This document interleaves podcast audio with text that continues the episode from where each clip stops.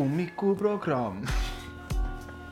see on päriselt nali, ma võib-olla pean igaks juhuks inimestele üle ikkagi ütlema, äh, et tegemist äh, on humoorika, minu jaoks humoorika sissejuhatusega, et mõni teist arvab, et tegemist on eriti kringel äh, asjaga cringe asjaga, siis äh, jah, on küll, see on taotluslik, täpselt samamoodi nagu South Parkil, kui South Park tehti, see multifilm, mis on äärmiselt ühiskonnakriitiline.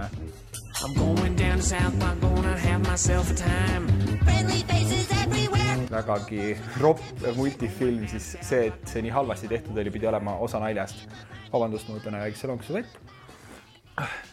ma tean, et see taim siin taga on täiesti surnud, need taimed tavaliselt ei ole siin ma toon nad välja, et siin oleks natukene ilusam miljöö, aga see vajab täiesti ümberistutamist. järgmine osa, ma luban, et taimeke on natukene paremas, paremas äh, vormis siin. nii, nii palju, noh, kaks osa on praegu olnud, aga see on uskumatu tagasiside, mis äh, teie poolt tulnud on. Äh, ma teadsin, et podcast'i tegemine peab olema õige, õige asi, mida teha et kuidagi luua rohkem väärtust, sest et minu jaoks on alati sisuloome seotud sellega, et kui palju väärtust ma suudan äh, luua nii-öelda maailmale ja see on uskumatu, millist tagasisidet ma olen saanud, inimesed on äh, nii suhteprobleemidele kui mis iganes inspireeritud enesearenguga tegelema. see on täiesti no nagu ma eelmine, esimene video ütlesin, et kui viis inimest vaatavad väga hästi, no praegu on tuhandetes neid ja ma nagu mis asja, täiega lahe, super lahe, meil on äh, mõnus olek siin, mulle heideti ette, et ma olen paljajalu videos äh,. et see natukene häiris, aga rohkem, rohkem inimesi ütles, et see on positiivne asi. Ja ma oleksin võib-olla pidanud, ma ei tea, soengut natukene tegema või pea ära pesema. Äh,. seda ma vaatasin hiljem, kui ma praegu vaatasin neid kaadreid üle aga ma ei tee seda, sest ma tahan, et kõik oleks nii autentne kui võimalik. aga millest me täna siis räägime? Äh, see on teema, mis ma teadsin, et peab olema kõige-kõige esimene, mis äh, tegelikult tuleb. Mm, teema, mis mind on painanud ülipalju ja see on see, et kui inimesed hakkavad vaimsusega tegelema, et see justkui tundub kõik väga tore ja positiivne, aga ma tahaks negatiivse poole välja tuua.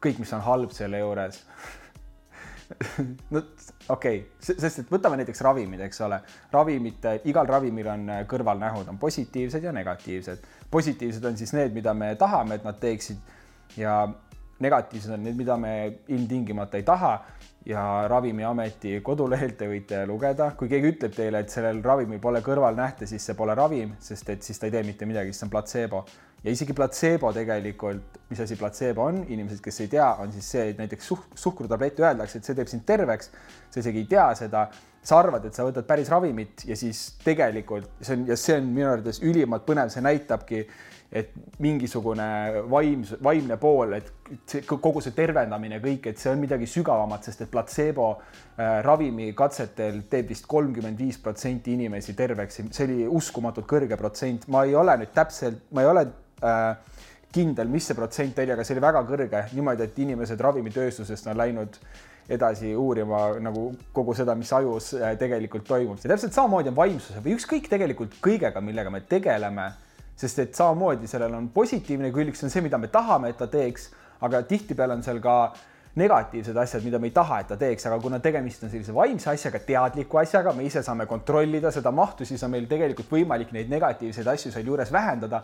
ehk siis inimesed, kes võib-olla ennem pole vaimsel teekonnal olnud või siis enesearengu teel, sest et ma ehitan selle video üles niimoodi, et see ei pea nüüd olema vaimne või spirituaalne, kuigi ma toon palju näiteid selle põhjal, siis see on pigem eneseareng, sinna lähevad noh, kõik asjad, produktiivsus, sinna läheb kasvõi jõusaali tegemine, põhimõtteliselt on võimalik äh, need kõik asjad ära siduda nende samade põhimõtetega, ehk siis põhimõtteliselt see video on suunatud filosoofidele või filosoofilise osale meie sees, sest filosoofia kreeka keeles ju tähendab armastust tarkuse vastu. Äh, kui sinus on tahe areneda niimoodi, et keegi ei sunni sind või õpetaja ei pea sind äh, kaardikepiga peksma, et sa mingisugust, mingeid teadmisi või asju su käest kätte saada, siis tõenäoliselt mingi osa sinust on filosoofi kui sulle meeldivad loomad, siis on see zoofiilia. Sorry, ma tegin kõige kohutavama nalja lihtsalt, päriselt ma olen tegelikult tõsiselt vaata, noh, ma lihtsalt kaotasin kogu oma usaldusväärsuse selle naljaga ära, aga ma ei taha seda välja võtta. võib-olla ma peaks selle välja võtma, okei okay alustame disclaimer'ist. kui me räägime ükskõik missugustest vaimsetest tõdedest, siis ma ei taha, et te võtaksite seda, mida ma räägin sellise lihtsalt tõena, et nii on. et on õige ja vale. õiget ja valet ei ole olemas. see, mida mina siin räägin, need on minu kogemused ja minu maailmavaade, sest et mina, ma olen aastate pikk, aastate jooksul väga paljusid erinevaid äh, õpetusi läbi töötanud ja leidnud enda jaoks sobiva, aga nagu paljud asjad siin maailmas praegu ka noh to, tootmise, tarbimise mõistes on see, et me muutume aina individuaalsemaks, et kui kunagi oli näiteks kuulatigi ainult klassikalist muusikat ja üks muusikastiil pidi kõigile käima, siis nüüd on see muusika ampluaa läinud meeletult äh, laiaks ja igalühel on oma. Ja see ei ole mitte ainult muusikaga, see on erinevate noh, ma ei tea, meigitoodetega noh, kui me läheme digitaalsetesse toodetesse, siis aina rohkem isikupärastatakse. Instagram on sul, mitte kellelgi teisel pole sellist asja nagu sinul, sest et algoritm täpselt sinu vajaduste järgi ehitab kõik üles. ja ma arvan, et täpselt samamoodi on ka vaimsusega ja me jõuame sinna siis, kui me oleme natukene aega sellega tegelenud, sest et siin on paljud punktid, mis mul välja tulevad, millest me kõik jõuame rääkida, aga põhimõte on selles. kuula seda, mida ma räägin nagu lihtsalt sõber räägiks midagi, ära võta seda sada protsenti tõena, kui sulle midagi sobib, super.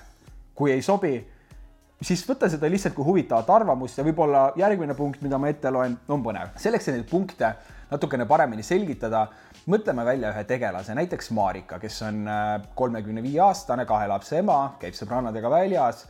Äh, vahel käib nädalavahetusteti isegi mimoosat hommikul joomas ma ei tea, juuakse vist seda, vist juuakse.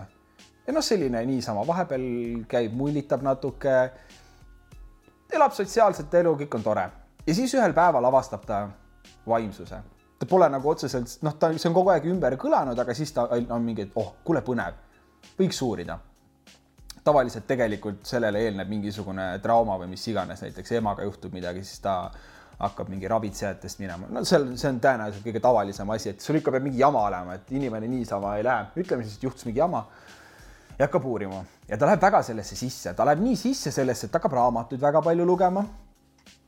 ja olles siis selle sees äh, on üks esimesi selliseid äh, negatiivseid asju et kui ta läheb sõbrannadega kokku saama, ta on kaks kuud, kolm kuud olnud täiesti nüüd vaimses maailmas, ta on endale igasuguseid kristallikesi, asju ostnud.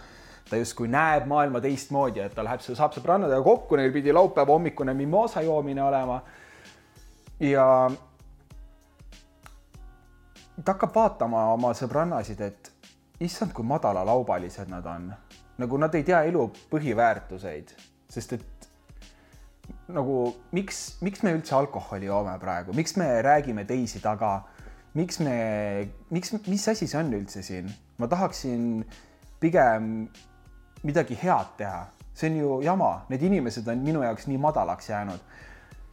ja see on esimene põhimõte, see juhtus ka minul, aga mitte vaimsusega, sest et kui ma kuusteist olin, nagu ma rääkisin, mul oli siis ka läbi trauma, ma avastasin enda jaoks vaimsuse, aga minu areng oli nii kiire, et äh, seda ei jõudnud tekkida sest et ma olin juba kuskil, ma ei tea, next level'is, ma, ma, ma käisin koolis ringi niimoodi, et ma vaatasin igat inimest kui uskumatut äh, nagu kõiksuse loomingut, sest ma teadsin, kui sügav ma ise olen ja ma hakkasin mõtlema, et uskumatu, et iga identiteet mu ümber on selline, ma nägin nagu kõiki osakesi ja asju, ma lihtsalt nagu nägin ühtsust ja ma käisin lihtsalt ma nagu tundsin, nagu ma ujuksin, see on nagu väga veider, sest ma isegi õhuosakesed, ma tundsin, et on nagu nii nii-öelda guard, guard particle, mida siis uuritakse äh, CERN-is mis on siis nii-öelda see, et kui me hakkame aina väiksema osakese peale minema, mis see guard particle on või Higgs-bosonid ja kõik muud, okei okay,, ma ei lähe teadusesse, igatahes mul oli väga selline, ma tundsin ennast ühtsena ja minul ei jõudnud nagu see otseselt äh, tekkida, see jõudis hiljem vist tekkida, kui ma hakkasin tagasi, nagu kui ma hakkasin vaimsusega lõpetama vist. Või mitte, igatahes. see on vale. okei okay,, ma just ütlesin, et pole õiget ega valet kõik peavad oma, kõik peavad oma asjad läbi käima, aga see ei ole selli-, selles mõttes, see ei ole tervislik, sest et äh, mida siis, äh, mis ütlesin, Marika, mida Marika teeb tegelikult on see, et kogu see, mida vaimsus peaks õpetama, et me oleme üks. ta loob, ta ego saab uue identiteedi ja ta hakkab teisi maha tõmbama sellega, et nad ei ole vaimsed, aga see ei ole enam vaimne, isegi kui sa arvad, et see on vaimne, et ma ju tahan kristallidega, ma tahan ju kristalle hoida, ma tahan äh, kuulata mingisugust muusikat, ma tahan teha tantrat, ma tahan mediteerida, et justkui see peaks siis olema nii õige ja kõrge, aga see ei ole niimoodi, sest et äh, õiges ja suures plaanis ei ole head ega halba. me kõik teame ju yin-yang, eks ole, mida see täpsemalt tähendab ja mida see päriselt tähendab, on hea ja halb või no nii-öelda must ja valge ja siis need täpid seal sees on valge, selle, see, selle, selles valges osas on samuti osa musta ja mustas osas on samamoodi valged ja kõik tasakaalustub nulli. ehk siis me elame polaarses maailmas, alati on pluss ja miinus ja see, et öelda, et nüüd pluss on õige, seda ei saa, sest et kui me nüüd läheme Jumala definitsiooni ja muu asja peale tagasi, lähme näiteks äh, suure paugu teooriani tagasi, äh, kus mulle meeldib öelda, me räägime kõiksusest ja lõpmatusest. suure paugu teoorial see moment, mis on siis põhiline teooria praegu, kuidas kogu meie universum on loodud. noh, see paisub, see ongi nagu erinevad teooriad, et kas ta samamoodi plahvatas ja siis tõmbus kokku tagasi, aga selleks üheks hetkeks olid temperatuur ja ma ei, ma ei mäleta massi, asjad seal lõpmatus ja mulle meeldib mõelda, sest et ta oligi, kogu universum oli nagu üheks lihtsalt äh, sädemeks kokku ko koondatud ja sellest sädemest tuli kõik. ja see, mulle meeldib mõelda, et see ongi justkui selline jumalik säde, siis ma ei taha, ma, ma lubasin, et me ei kasuta seda sõna, aga äh, teeme lihtsalt korra erandi äh,. mida ma, kuhu ma tahan jõuda, on see, et sellest kõigest, sellesama sädeme sees kus on, oli kõik, kogu universum ja me räägime praegu reaalsest teadusest siin nagu füüsikas õpetatakse suure paugu teooriat. nii et ei hakka mitte midagi vastu mulle siin ma lähen oma põhimõtete vastu, hakake vastu mulle. ma lihtsalt selgitan teile oma, oma põhimõtted, siis selle sees peab olema kõik positiivne ja kõik negatiivne, sest et kõik, mis sellest tuleb, peab olema osa sellest kõiksusest, millesse sa proovid ennast ühendada kõige lihtsam on mõelda jah, suure paugu teoorias ennast tagasi sinna algusesse, et sa oled kõik, sest et kui keegi on negatiivne, kui keegi on halb sinuga, siis ta ei ole, sa ei saa nagu teda allapoole sellepärast tampida. see on lihtsalt äh,, kuidas ta on äh, nii-öelda relatiivne sinuga, need on lihtsalt erinevad, aga kõiksuses ja lõpmatuses ongi kõik olemas. ja vaimsuse eesmärk on minna sinna, vaimsuse eesmärk on olla äh, voolavuses, mitte kinni hoida asjadest. ja see, kui sa lood endale sellise egopõhise identiteedi, et sa justkui oled parem, siis see on halb. mina olen, äh, ma olen süüdi selles, ma olen äh, fitnessiga, kui ma hakkasin jõusaali tegema ja ma hakkasin nägema iseenda juures esimesi muutuseid, siis ma olles üheksateist olin ma, et äh, nagu miks sa jäme inimene ei tee tööd endaga. ja tagantjärele mõeldes on see nii räme asi, mida öelda või mõelda, aga see on väga naturaalne ja loomulik ja ma olen õnnelik, et ma tundsin seda, sest et ma sain tööd endaga teha seal.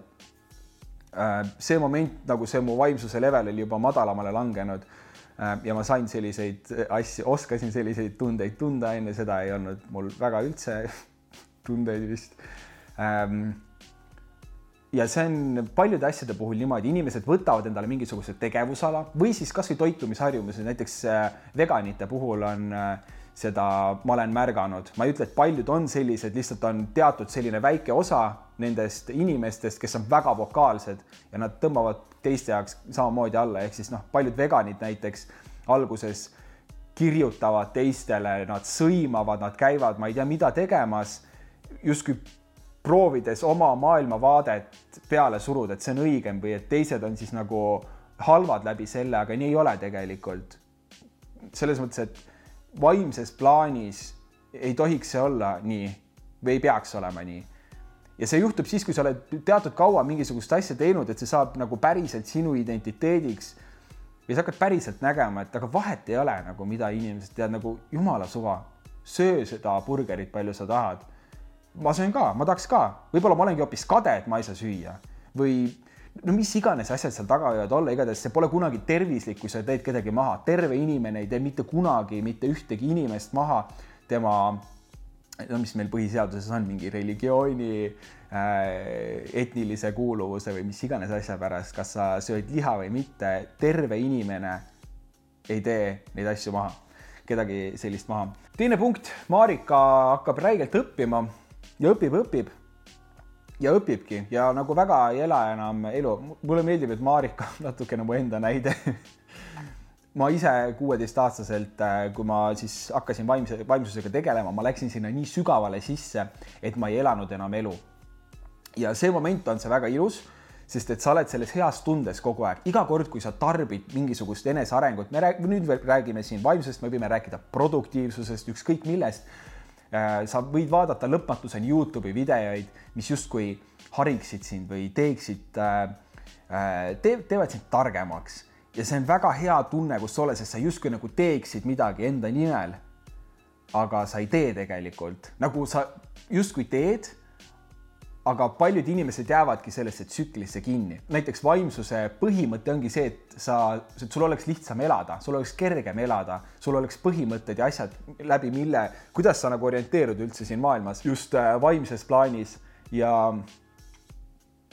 ja see ongi huvitav, et need inimesed jäävad oma raamatutesse tihtipeale nii kinni, et päris elu ja päris õppetunnid, kus siis seda vaimsust kasutada, sellest hüpatakse lihtsalt üle või see noh, see nagu peetakse justkui nagu mitte tähtsaks või tulebki jälle see vaimne ego, et issand jumal, kui keegi näiteks ütleb vaimsele inimesele midagi halvasti ja see vaimne inimene on mingi kuradi jobu ikka küll lihtsalt nagu uskumatu, et sellist inimkõntsa on meil olemas, kes niimoodi käituvad. ja kui sa tegeled vaimsusega ja sa oled tegelenud sinnamaale, et sa peaksid kuidagi oskama või leidma mingisugused vahendid selleks, et selle kõigega toime tulla ja sa niimoodi käitud, siis tegelikult sa ei ole õppinud mitte midagi, sa lihtsalt tarbid informatsiooni ja sa oled osa mingi, ma ei tea, mitmesaja miljonilisest ärist, võib-olla isegi miljardisest ärist, sest eneseareng on metsik, metsik äri, sest et seda sisu tarbitakse nii palju ja kogu aeg, kui sa seda tarbid, seda, siis sul on hea meel. nüüd ma kordan ennast, nii et me võtame järgmise punkti ette. Nüüd Marika on äh, tegelenud vaimsusega juba nüüd siin äh, mõnda aega. ja ta leiab, et ta kaaslane ei ole sellega kaasa tulnud ja absoluutselt mitte, kusjuures tegelikult on hoopis selline olukord tekkinud, et äh, Marika kaaslane Mauko. ma ei, ma ei tea, kustkohast see nimi tuli Äh, teeme Veiko, siis on lihtsalt nagu suupärasem. Veiko, ta tunneb, et naine liigub tast eemale, sest et naine tegeleb vaimsusega liiga palju. iga vaba moment läheb vaimsusesse ja mees tunneb, et tema ei saa enam tähelepanu. ja mis hakkab tekkima, on see, et Marika vaatab, et kurat, Veiko on ikka jõle sitt mees. lihtsalt tuleb töölt koju, tahab süüa saada, vaatab telekat, aga kuhu on vaimsus, kus on sügavus? miks seda ei ole? Ja ma tean liiga palju suhteid, mis on reaalselt läinud selle asja pärast katki. et üks pool võtab kätte vaimsuse ja hakkab ootama, et teine pool oleks ka vaimne. aga see ei ole vaimne. ma tean, paljud inimesed, eriti tavaliselt on naispool see suhtes, kes hakkab tegelema sellega, ma kujutan ette, kui sügavalt see osa võib äh, praegu äh, mõjuda, et tegelikult olete te ise vaimsed naised, need, kes äh, suhet äh, rikute. Äh, sest et ma, ma saan sada protsenti aru, ma olen ise seal kohas olnud, kus ma ei suutnud mitte kellegiga rääkida. põhimõtteliselt. ma ei suutnud isegi ruumides olla, kus oli mingisugust, ma ei tea, õudusfilme näiteks vaadatud vara, varasemalt, ma ei, ma ei suutnud toime tulla äh, ma ei suutnudki väga toime tulla mitte millegiga, sest ma püüdsin ennast justkui kuskile kõrgustesse ära viia. aga miks see lõpuks vajalik on või mis see eesmärk on? kellegi ees kõvatada, oma vaimset egot hoida, kui kõrgele sa saad minna, otsides taga mingisugust uskumatut puhtust.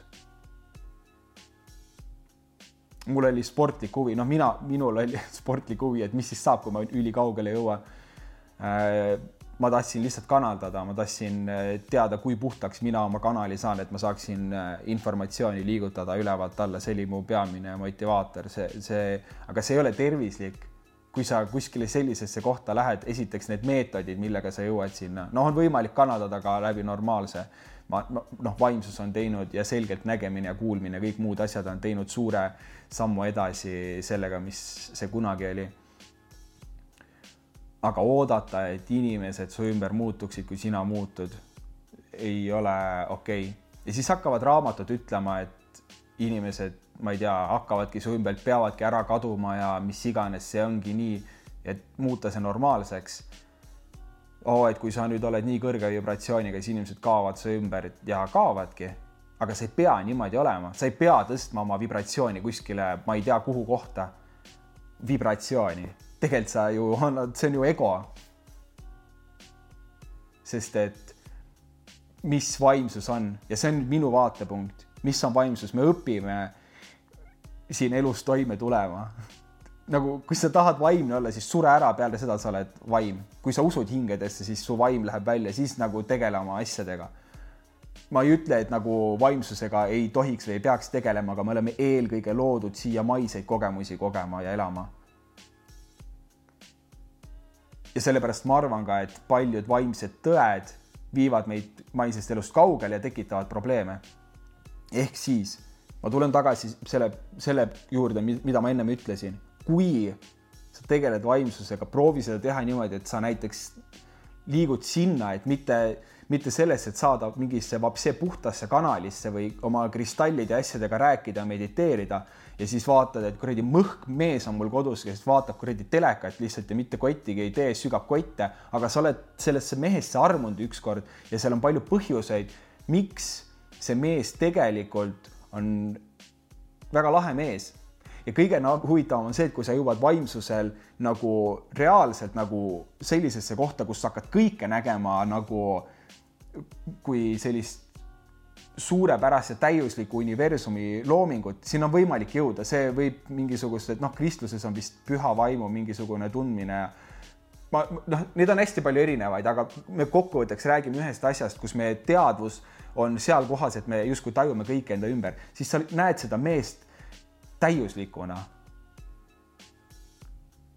ja vahet ei ole, et sinul on hobi. Ja ma ütlen hobi, selline hobi, mis muudab su maailmavaateid ja et sellel mehel pole samasugune hobi, et ta ei tule kaasa, tal, sellel mehel on teistsugused hobid. tee ise võib-olla mingisugune liigutus selle, selle suunas, et oma mehega paremini läbi, läbi saada. võib-olla ma nagu reaalselt, võib-olla mõne, mõned, mõned teie mehed ongi väga halvad, aga ma tahan lihtsalt tuua teise poole välja, see podcast, kogu see osa on vaimsuse nii-öelda varjupool.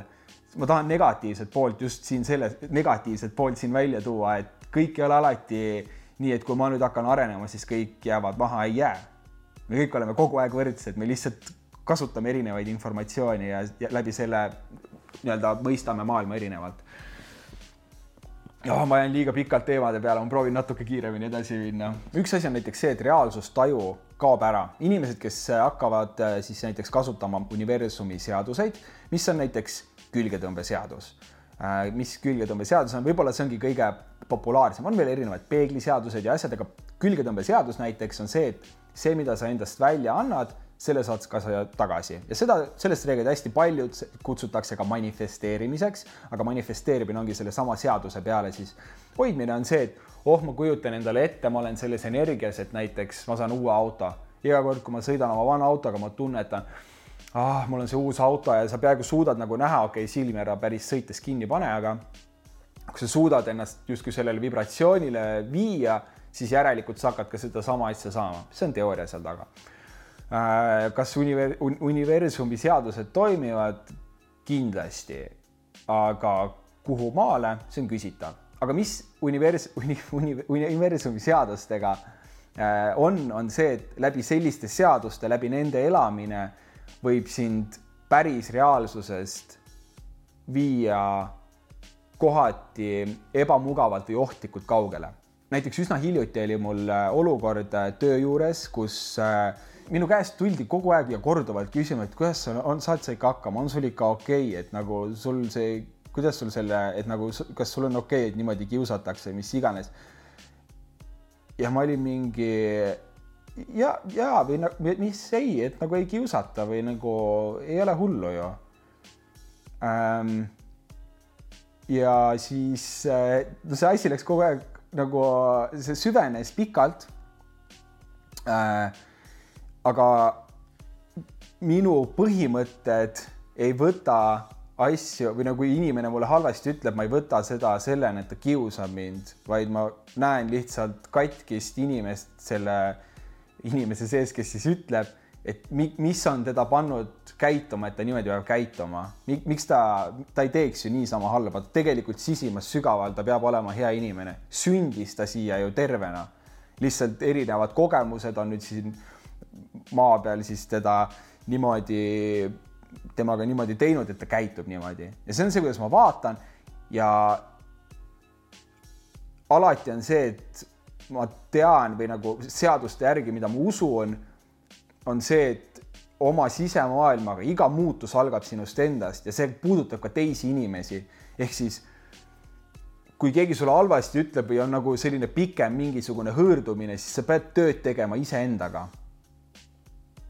see kõlab väga veidralt ja see on üks viimaseid asju, mis mu enda peas ka toimus muudatus, et mu enda maailmavaated või need, kuidas ma nendesse asjadesse suhtun, ei ole kõige tervemad, sest äh, mis juhtus, oli see, et äh, mitme kuu vältel ähm,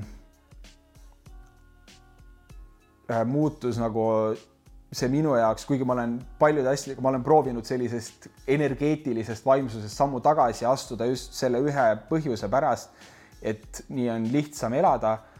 aga ma hakkasin järjest kogu aeg tundma väga rasket energiat, mis oli seotud selle inimesega, selle ruumiga, kus tööd tehti.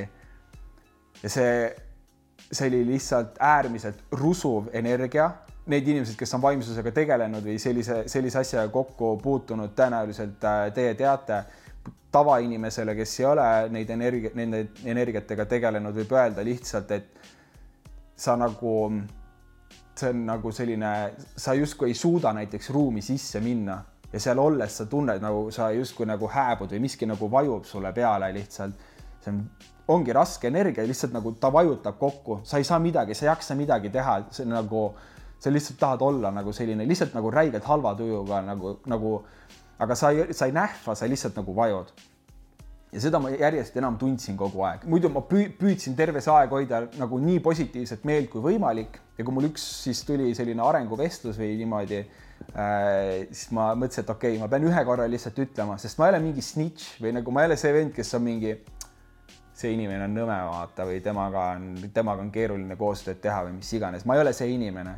ma teen tööd iseendaga, ma pressin läbi kõige, ma teen tööd iseenda sees see muidugi oli väga keeruline, sest et ma tööt-, nagu ma, sellel ajal ma äh,, mul oli oma ühe meditsiinilise konditsiooniga väga keeruline, see noh, see inimene oli ka teadlik, et emotsioon ja kõik muu selline mõjutab mind äh,. ja ma isegi jah, ma ei taha väga süviti minna, nagu see läks mu jaoks väga halvaks. ütleme niimoodi, et ma ei olnud kohas, kus ma oleksin suutnud enam nagu neutraalne olla, ma nagu ilmselgelt kannatasin selle all väga tugevalt, aga ma ei lasknud endal seda tunnet tunda, sest ma pean ju nii tugev olema. Äh, ja igatahes lähme siis sinna, kus tuli see arenguvestlus. see oli see moment, kus ma tahtsin sellest rääkima hakata, et see ükskord nüüd ma ütlen ja ma rohkem mitte kunagi ei räägi sellest.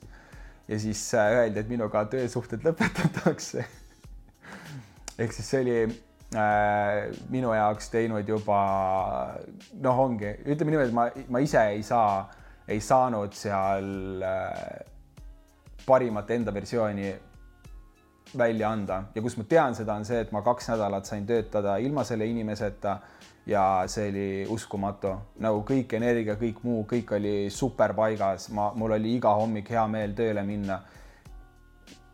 ja siis ma sain aru, et davai, asi on selles tõenäoliselt ma ei ütle, et see üdini halb on.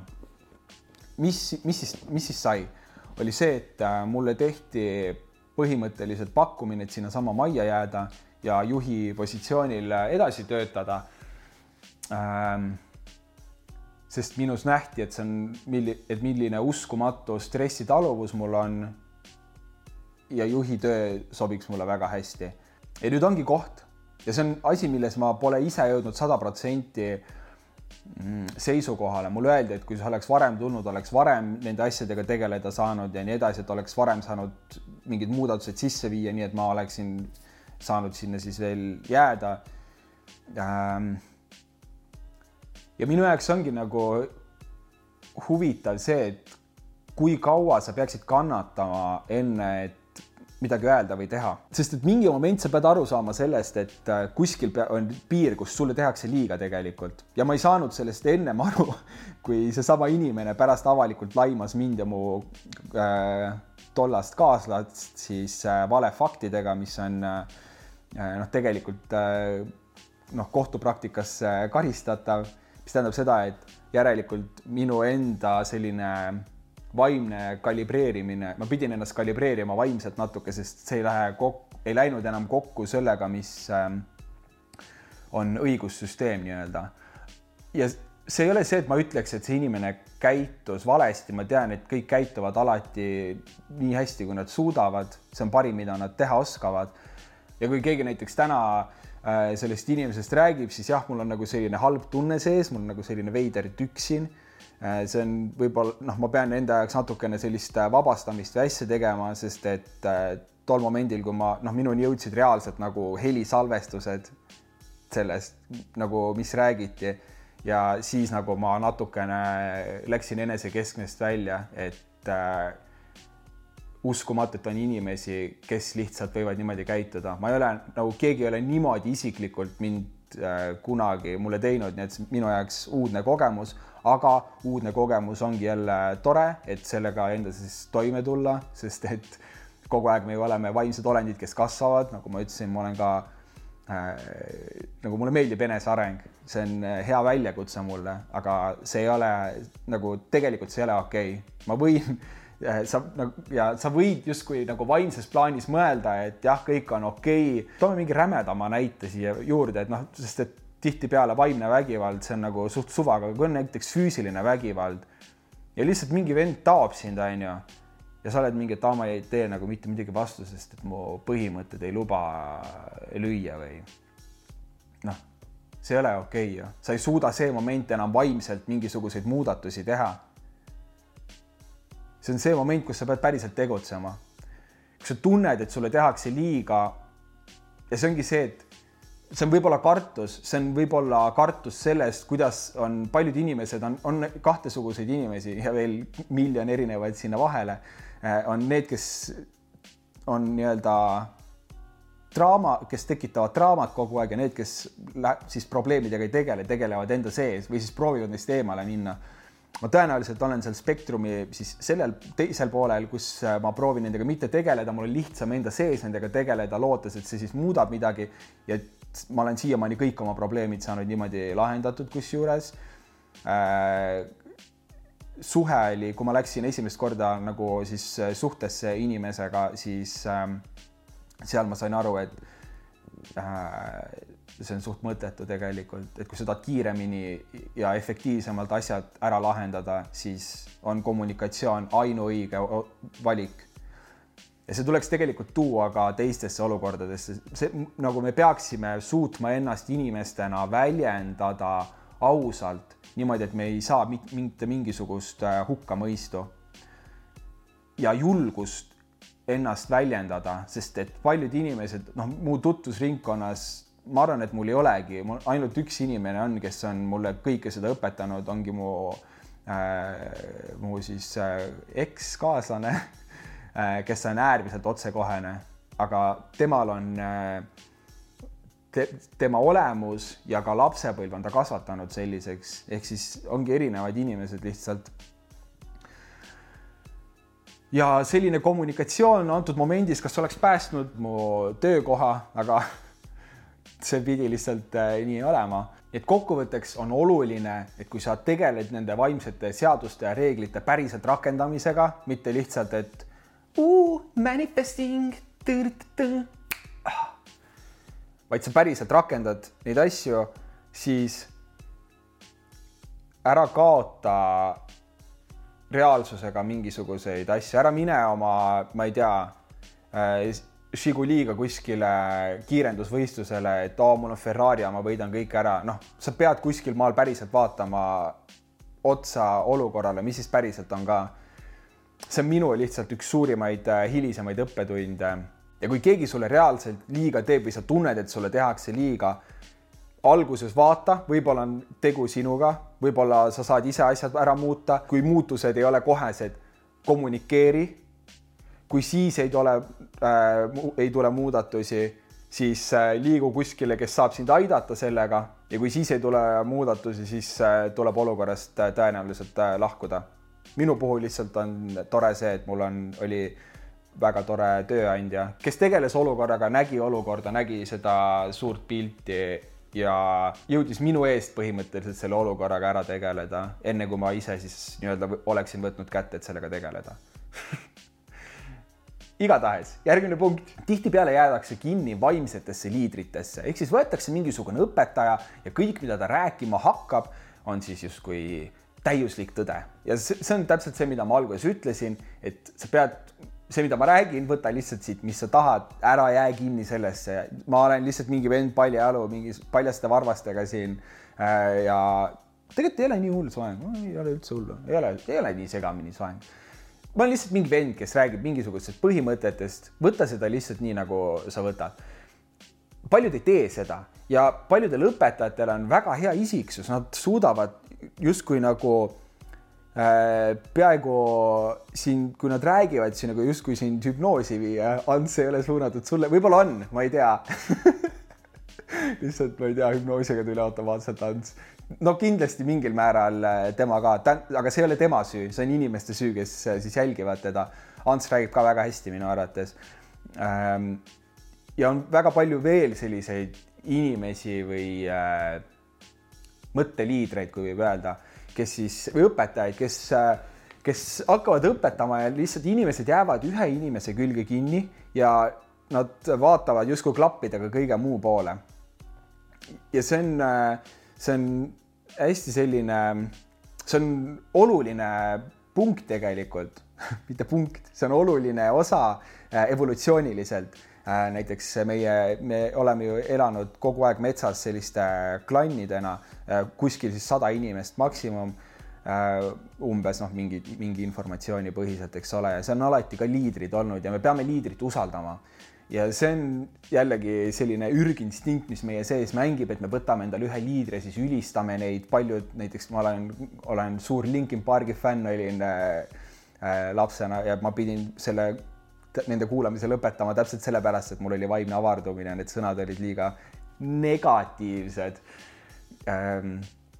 et siis ma lihtsalt hakkasin kristallkausse põhimõtteliselt peale seda kuulama kõlab nii julmalt, aga see ongi, ma tahangi teha nalja selle üle natuke, see oligi naljakas. tagasi vaadates on see natuke tobe, aga oluline ja ma olen ülitänulik selle kogemuse eest. aga jah, lihtsalt, et äh, mitte võtta ühte inimest, võtta erinevaid inimesi, erinevaid põhimõtteid ja kogu aeg neid üksteise vastu panna, sest et nagu ma ka ennem ütlesin, oluline on see, et iga inimene leiaks iseenda jaoks selle, ära võta, sest et see inimene, kes sinuga jagab samamoodi nagu mina, kui ma jagan mingisuguseid punkte, need on minu punktid. Need ei pruugi olla sinu punktid ja iga inimene peab oma punktid ise avastama, nii et võta näiteks minult, kui sa ühe punkti leiad, super. kui keegi siit juba ühe punkti leiab, siis see video on juba nagu, see video on, eesmärk on täidetud, mul on super hea meel. Ja siis mine teise video, mingi vaata mõnda teist videot, vaata mingit kolmandat videot. mul oli samamoodi siis, kui ma olin äh, hästi vaimselt äh, aktiivne noorena. mul oli üks äh, kirjanik Diana Cooper, kes äh, kanaldas informatsiooni ja mulle väga meeldis see, mida ta kirjutas, aga võib-olla sellepärast, et see oli lihtsalt nii puhas maagia. ja siis ma natuke noh, nat-, kuigi need põhimõtted lähevad tihtipeale kokku, siis mõningaid erinevusi oli, mulle väga meeldis see, no tema näiteks evolutsiooniteooriat äh, ei kinnita. too moment ma uskusin seda, enam ma ei usu seda. ja teine õpetaja, sest ma ütlesin, ma toon teile tasakaaluks kogu aeg asju oli, on Jim Stoppani, kes on äh, bodybuilder, äh, keha ehitaja, kulturist Sorry selle, selle kohutava tõlke pärast. Äh, keskkoolist alates hakkasin ma tema kavasid jälgima, tal oli väga-väga teaduspõhine kõik ja mulle väga meeldis see. ja no täiesti pimesi ma usaldasin seda tüüpi ja ta aastate jooksul, mis ma teda jälgisin, saavutas ta uskumatu elu, edu luues siis äh, täiuslikud pre-workout'i ehk siis noh, sa enne trenni võtad, seal on kõik erinevad ained kokku segatud täpselt niimoodi, et sa oleksid super optimaalse sellise äh, trenni suudaksid ära teha ja ma mäletan, ma võtsin need ja ta oli hästi avatud, ta jagas, et see on nii, teadus on selline, teised panevad, segavad lihtsalt mingisuguseid asju kokku, ta ütleb kõik, mis seal sees on. ülikooli heas Roomet, mida ta tegi ostis kõik ükshaaval, kõik aineid segas kokku ja siis ma säästsin väga-väga palju raha. Äh, aga samamoodi ka treeningkavad ja kõik muud asjad, ma jälgisin kogu aeg teda ja üks asi näiteks, mis oli, oli see, et peale trenni äh, sa võid kummikarusid tarbida, mis on väga tore, sest seal on dekstroos sees, mis on kiir, väga kiiresti laustuv süsivesi kehas, mida see tähendab, on see, et energia sealt tuleb väga kähku sinu, läheb siis sinu nii-öelda vereringesse ta lahustub väga kiiresti, insuliin tõuseb väga kõrgele. Äh, kiiremini isegi kui tavalisel valgel suhkrul. mida ma tegema hakkasin, ta ütles, et sa võid ka nagu lihtsalt puhast ekstroosi panna ja seda, see oligi täpselt see, mida ma tegin, ehk siis ma panin kolmkümmend grammi ekstroosi reaalselt oma kolmekümne äh, või neljakümne grammise valgupulbri kõrvale. tegelikult valgupulber, mida ma tarbisin tekitab, juba tõstab insuliini kõrgele, sest et ta on nii kiiresti imenduv, imenduv ja seal on veel suhkur juures, mis tõstis veel rohkem seda, nii see tegelikult selline insuliini tõstmine võib väga ohtlik olla. teiseks, äh, süsivesikud ja valgud koos pole maailma parim asi, aga see ongi naljakas, et ma justkui nagu pimesi läksin ja uskusin, et see on kõige õigem, see on täpselt nii, nagu iga inimene peab toituma, see on kõige tervislikum. Aga siis mingi moment sa saad aru, et okei okay,, tervislikkusel ja tervislikkus on väga suur vahe. esimene aste tervislikkusest on see, kui sa lihtsalt enam burgereid ja burgereid ja pitsasid näost sisse ei aja, aga teine on see, kus sa vaatad, et okei okay,, et ja valid võib-olla Zero tavalise Coca asemel, sest et siis sa ju saad head figuuri hoida, aga siis sealt läheb veel järgmine samm edasi tervislikkuse kohta, kus sa oled, et oota, paljud asjad seal on ikka väga ebatervislikud, et nagu, et saad hea figuur, sa võid ikka väga ebatervislikult tegelikult toituda. Äh, ja siis ma jah, natukene nagu pimesi lihtsalt jälgisin teda, aga me oleme jõudnud äh, viimase punktini, mis on liiga suur usaldus vaimsete õpetajate suhtes ja see nüüd ei pruugi olla ainult vaimsete õpetajate suhtes, äh, see võib olla siis ükskõik Ähm, kes on näiteks kuskil äh, kõrgemal, sa võid, see võib olla isegi ettevõtlusega mentor võib öelda sulle, mis läheb sinu enda sisetundega vastuollu. Äh, tihtipeale on see minu arvates selgeltnägijatega, väga head selgeltnägijad, kes on nende juures käimise kogemus on siis selline, et sa lähed sinna ja ta põhimõtteliselt räägib kõike, mida sa tead. Ta lihtsalt viskab siis oma ruunid maha ja lihtsalt loeb, et, et sa peaksid nii tegema. ah oh, kurat, ma olen kogu aeg mõelnud ja, ja ma pean tegema ja, ja ei no muidugi ja, no ma eelmine aasta mõtlesin, et nagu peaks tegema. mis need mõtted su peas on, ongi see mingisugune väike selline sisetunne, mingi asi, et ma peaks niimoodi tegutsema, siis tegutse. Just do it head selgeltnägijad ja lihtsalt nad näevad sedasama asja ja ma ei tea, ma ei tea, miks ja kuidas, jällegi võtame teaduse, ma ei tea, teadus pole tõestanud, ma minu enda seisukohal, need inimesed, kelle juures ma käinud olen, see on ulmeline äh, no ma olen, ma olen selles mõttes, et jah, nagu saanud väga uskumatuid kogemusi sellega seoses ja ise kanaldanud uskumatuid asju, mis ma olen pärast mingi, what, ongi nii või? Ja ma toon ühe väga kurva näite siia. Äh, ma kunagi usaldasin väga kõrgelt ühte selgeltnägijat ja ma tege-, ma tegelesin muusikaproduktsiooniga siis ja ma, mul oli kogu aeg selline teadmine, et oo, minust saab nagu mingi hea muusikaprodutsent või mingi noh, kuidas iganes ma selle, seda siis ära ei, ei rakenda. ja kui ma küsisin ta käest seda, sest ta oli, ta oli metsikult täpne, ta oli ikka uskumatult täpne. ja siis ta ütles, et no see jääb nagu taustale, aga see on ainult selle jaoks, et sind puhtana hoida, sest tol ajal ma kanaldasin muusikat, ma ei olnud nagu niisama vend, vaata. tegin ennast ülipuhtaks ja siis ma hakkasin nagu meloodiaid ja asju alla tõmbama ja siis ma olin mingi koht davai. ja no mis te arvate, kaua ma tegelesin muusikaproduktsiooniga peale seda? ma, ma vist lõpetasin kuu ajaga põhimõtteliselt kõik ära, nagu muusika on siiamaani mu hinge sees. see on kõige lahedam, see on nagu nii lahe asi minu arvates. ja ma siiamaani mul on mingi kripeldus, et ma pea, kripeldab sees, et ma peaks midagi tegema. tõmmake kommentaaridesse, kui ma teen mingisuguse, ma ei tea, praegu on räppi hea teha, tõmbaks mingi räpiloo välja, see oleks päris hea ja selline pimesi uskumine tegelikult võib meid endeid tõmmata täiesti eemale sellest, mis me tegelikult peaksime või tahaksime olla. mitte ühelgi inimesel pole ei tohiks olla sellist võimu su üle, et kui ta ütleb, et see ei ole niimoodi, siis sa ei, ei teegi niimoodi. Või kui ütleb, et nii on, siis nii on. sa kindlasti, see on üks suurimaid õppetunde minu jaoks, et äh, sa pead tegema seda, mida sa tunned, liikuma selle suunas. Ja nagu ja üks asi veel, ära torgi mingite selgeltnägijatega, mis nagu, mis seal vahet on, miks sul on vaja mingisugust ma ei tea, mis iganes äh, kinnitust kuskilt poolt, et ma ei tea, mida teha või kuidas olla. Sorry, kui ma kellelgi töö ära võtan praegu, tõenäoliselt ei võta. aga lihtsalt tee, püüa enda sees nii tugev enesekindlus leida, et sul pole kedagi ega mitte midagi vaja.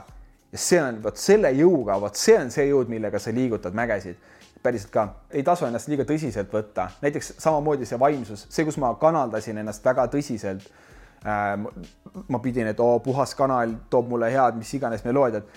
noh, ta toob toredad meloodiad, aga nagu kas need on nagu maailma parimad, ma ei tea. ja tegelikult ausalt öeldes see võttis lõbu minu jaoks muusika produtseerimise juurest ära, see, et ma proovisin justkui nii vaimselt sellele kõigele läheneda. Äh, sest palju lõbusam on, kui sa mängid midagi ja mingid tulevad mingisugused üllatused või mingisugused apsud, mis on ülihead. kogemata avastad midagi ja see, kui sa proovid vaimselt kontrollida kõike, et nüüd on nii, nüüd on nii, nüüd on nii, see võtab nagu selle lõbu sealt ära. ja nüüd, kui me võtame muusika ja muudame muusika eluks, siis tegelikult eluga on samamoodi. ära proovi kontrollida seda nii palju, see, kui nagu mingid asjad lihtsalt juhtuvad su jaoks või sa lased lihtsalt elul voolata, see on uskumatult tore, see on uskumatult ilus. ja kui sa proovid sellist sajaprotsendilist kontrolli hoida, siis äh, kui need asjad juhtuvad, sul ei ole isegi mingi, sul ei ole mingi, mitte mingisugust õnnetunnet ega mitte midagi seal taga. sa lihtsalt nagu kirjutaksid mingi sõbra pealt maha põhimõtteliselt, mitte et see nagu oleks ka kõige halvem asi, ma olen ka ikka maha kirjutanud äh, korralikult asju, mida ma tean, et mul ei ole vaja. ma ei taha siin propageerida spikerdamist äh, ja ma eelmine kord ütlesin, et ma kasutasin oma spirituaalset kanalit, et spikerdada koolis, nii et, nii et, äh, nii et jah. aga, aga lihtsalt lasta elul voolata ja võtta ükskõik, mis tuleb, ükskõik mis noot, kas see on vale noot kitarri peal või mitte, ära mine närvi, otsi lõbusalt. Äh, ja küll see tuleb õige ja kui sa piisavalt teed seda, muusikaga on sama, et sa pead lihtsalt tegelikult lugusid kirjutama ja näiteks ongi näiteks iga kolmekümnes või neljakümnes lugu on ülihea, siis sa lihtsalt peadki nelikümmend lugu kirjutama. Ja eluga on sama, et pole mõtet nagu kiirustada sellega sinna, et oo, mul nüüd peab kõik kohe õige olema, sa pead tegutsema, tegutsedes tulevad, tekivad võimalused, kõik asjad. Ja ära stressa, sest et me ei ole, me ei ole siia nagu sa elad nii vähe aega tegelikult, võtame mingisugust nagu pikemat plaani. sa elad nii vähe, nagu maakera jõuab hingata sisse-välja mingisugune kaheksakümmend korda ja sa oled surnud maakera hingamisest ma siis räägin nagu see, kus ta muudab nii-öelda justkui noh, justkui oma telge, eks ole, ta ei muuda oma telge, aga nagu aastaajad. mulle meeldib niimoodi mõelda elu on nii palju ilusam, kui sa lihtsalt lased tal voolata. ole tõsine. ja me oleme nii vähe, jaa, me oleme nii vähe aega siin mul läheb nii käest ära see lõpp. see, kui sul on mingi näiteks räme varandus, mida sa teed sellega, mitte kottigi, vahet ei ole, mis sul nagu elu lõpuks on. mis loeb? olla nagu lihtsalt selles, ma ei ütle olla õnnelik tegelikult, sest et see ei ole õige. sa ei tohi ainult õnnelikkust tunda, sa pead, sa pead ka kurbust tundma, lihtsalt nagu võta kogu see elu ampluaa nagu kaasa ja ole lihtsalt selle voolu sees, tunne ennast, kui, et sa oled justkui nagu voolamas Bruce Lee või, ütles, et ole just, et ole nagu vesi, et kui sa paned ta tassi sisse, siis on see, see läheb nii pekki. ma neid, need näited on nii lappama ma ei olnud seda ette valmistanud. nii et kokkuvõtteks, kui sa oled inimene, kellele meeldib tegeleda vaimsusega või siis enesearenguga üleüldse, pea neid punkte meeles, need on äh, minu jaoks sellised peamised äh, asjad, aga neid on veel palju rohkem kindlasti. Ja kui on mõni punkt, äh, mis, mis, mida sina oled õppinud, mis vaimsus on tekitanud, siis pane kindlasti kommentaaridesse Youtube'i ummikuprogramm. ma tahaks väga teada ja arutleme seal all, teeme, võib-olla saame sellise üleüld-, üle, üleüldiselt inimesed, kes ummikuprogrammi jälgivad, võiks nagu mingi ägeda kommuuni tekitada, kes ongi sellised nagu vabad ja mõnusad on paljajalu ja sorry, kui kes iganes sa kommentaator häirima hakkas mu paljas varvas praegu. et äh, arutleme ja hoiame positiivse ja mõnusana asju ja ma arvan, et sellisel positiivsel mõnusal noodil lõpetame ka ja näeme juba järgmises osas. tšau